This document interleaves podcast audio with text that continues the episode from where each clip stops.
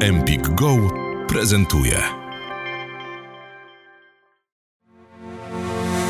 Earborn Media. A skubaniutki wciągnąłeś w taleszka? I zwyczajnie zbombardować czerwoną planetę. Odrobinę bardziej skomplikowane niż na przykład Monopoly. Od jednej do pięciu osób. Między 18 a 40 rokiem życia. Ziom, ej, co zbieram jednostki roślinności, to mnie zabierasz, nienawidzę cię.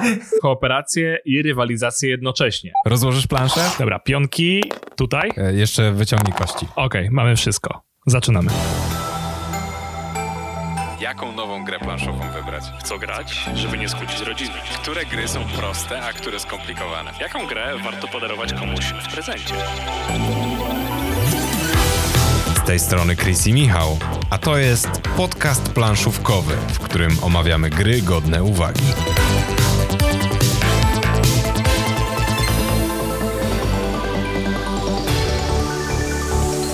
Jesteśmy w roku 2020. Tak, jesteśmy w roku 2020, ale dzisiaj opowiemy o grze roku 2017 czyli terraformacji Marsa. I dlaczego zaczynamy takimi dziwnymi słowami?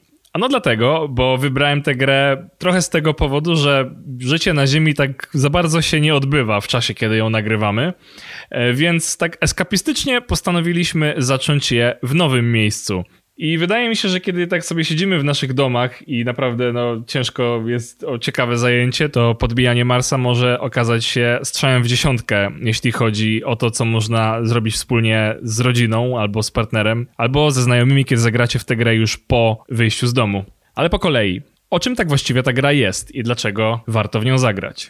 Jak sama nazwa wskazuje, gra jest o terraformacji Marsa. No, czego tu nie rozumiesz, Chris? Czego tu nie rozumiesz, tak. Jakby jestem ciekaw, ile osób przed tym, jak sięgnęło pod tę grę, w ogóle znało albo używało słowa terraformacja. Ja przyznaję się bez bicia, że nie było mi ono znane, więc jakby nie, nie czuję się winien specjalnie z tego powodu, bo byłem w klasie humanistycznej.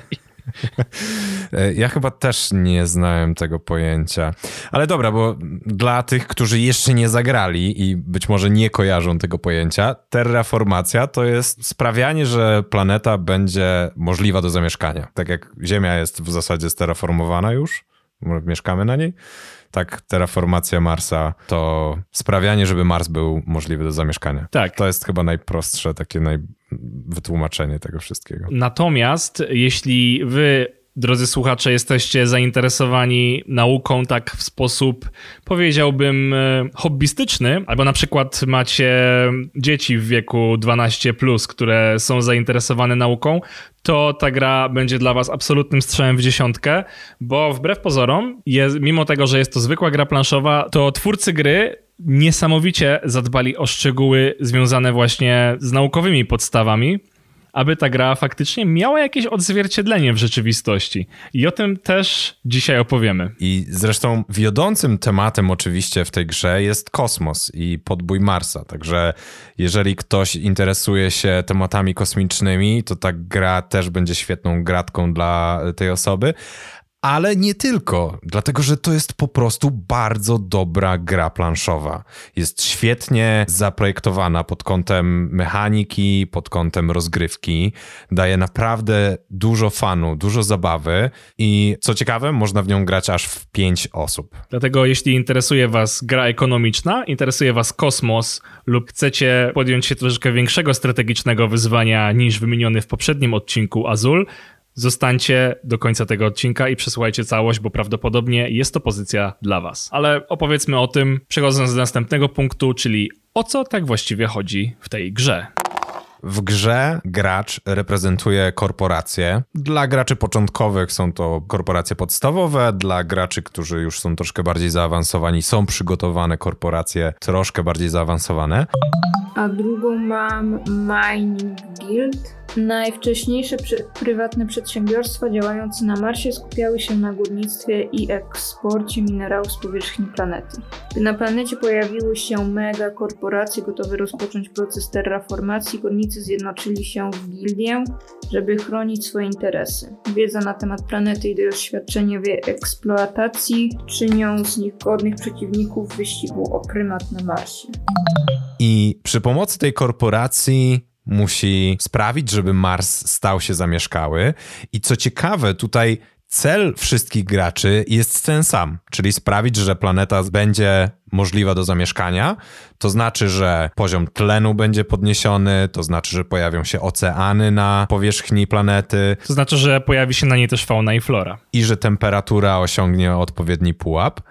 I te wszystkie współczynniki można podnosić na kilka różnych sposobów, i głównym takim sposobem jest tworzenie różnych projektów. Projekty są bardzo zróżnicowane.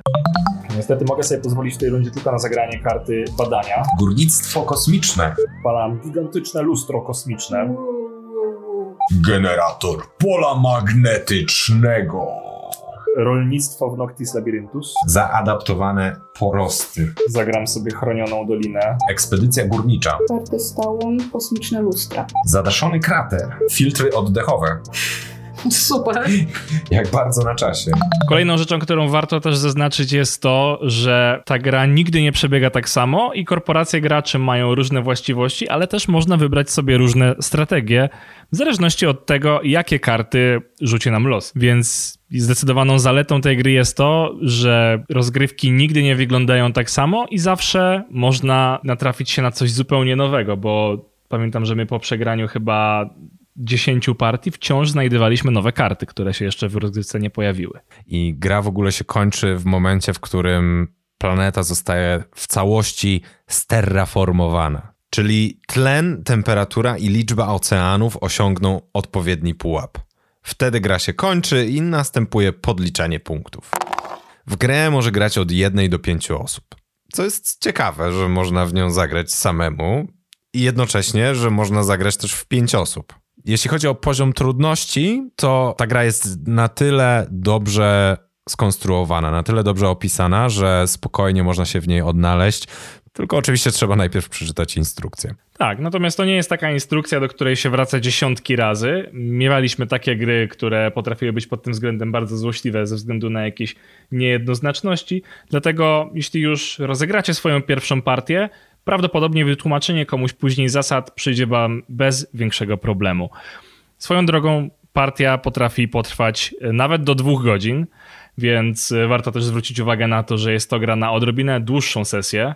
Chociaż e, jeśli ktoś wolniej podejmuje decyzję, myślę, że to może potrwać nawet więcej niż dwie godziny, aczkolwiek to już zależy stanowczo od graczy. A graczami mogą być osoby według podełka powyżej 12 roku życia. Realnie wydaje mi się, że jest najlepszą propozycją dla młodych dorosłych. E, Myślę, że gracze w wieku między 18 a 40 rokiem życia najbardziej docenią to, jak jest e, zrobiona, aczkolwiek absolutnie nie wykluczam też innych osób, które po prostu lubią kosmos. Jeśli zastanawiacie się, z kim zagrać, myślę, że jest to propozycja przede wszystkim do zagrania z przyjaciółmi. Czy jest to gra rodzinna? Nie do końca, no chyba, że już cała rodzina ma jakąkolwiek styczność z innymi grami tego typu, bo jest to odrobinę bardziej skomplikowane niż na przykład Monopoly, ale jest to też świetna propozycja dla tych osób, które lubią takie gry jak Monopoly, ale już się komuś znudziły, bo jednak aspekt ekonomiczny jest tutaj dość silny. Więc można w to zagrać samemu, można zagrać z długą połówką, ale zdecydowanie najwięcej frajdy jest, jeśli się zagra z grupą znajomych, najlepiej w tym samym wieku. I z tych samych powodów uważam, że nie nadaje się ta gra na prezent dla każdego. Jednak skupiłbym się na osobach, które mają jakieś zacięcie naukowe, może interesują się kosmosem, albo są już wkręcone w planszówki i nie przeraża ich e, stopień skomplikowania gry, lub chcą faktycznie rozwinąć się w kwestiach planszówkowych, bo to jest świetna gra do tego, żeby wejść głębiej. Gdybyśmy mieli powiedzieć w skrócie, jakiego typu jest to gra, to jest to gra zakładająca w pewnym sensie kooperację i rywalizację jednocześnie. Bo z jednej strony jest to swoisty wyścig zbrojeń, ale cel wszystkich jest wspólny. Wszyscy mamy sprawić, że Mars stanie się zdatny do zamieszkania. No ale jednak wygrywa jedna korporacja na podstawie zdobytych punktów zwycięstwa, które można dostać za realizowanie projektów, za zalesianie Marsa, czy inne czynniki, które znajdują się też w postaci małych ściągawek na planszy, więc można na przykład dostać określone nagrody za spełnienie konkretnych kryteriów, na przykład za zbudowanie największej liczby miast. Co ciekawe, gra jest bardzo realistyczna i powiedziałbym, że może nie, że jest symulatorem terraformacji Marsa, takiej rzeczywistej, ale naprawdę ma dosyć dużo związku z rzeczywistością lub z pewnymi innymi aspektami, ale o tym Chciałbym, żeby powiedział nam ktoś, kto zna się na tym lepiej. I tu przygotowałem pewną niespodziankę. Zaprosiłem osobę, która wie o Marsie zdecydowanie więcej niż my. Wysłuchałeś fragmentu odcinka podcastu Empik Go. Słuchaj całości w aplikacji Empik Go. Pobierz aplikację i zarejestruj się już teraz. Wybieraj spośród tysięcy audiobooków, e-booków, audioseriali i podcastów. Masz 7 dni za darmo.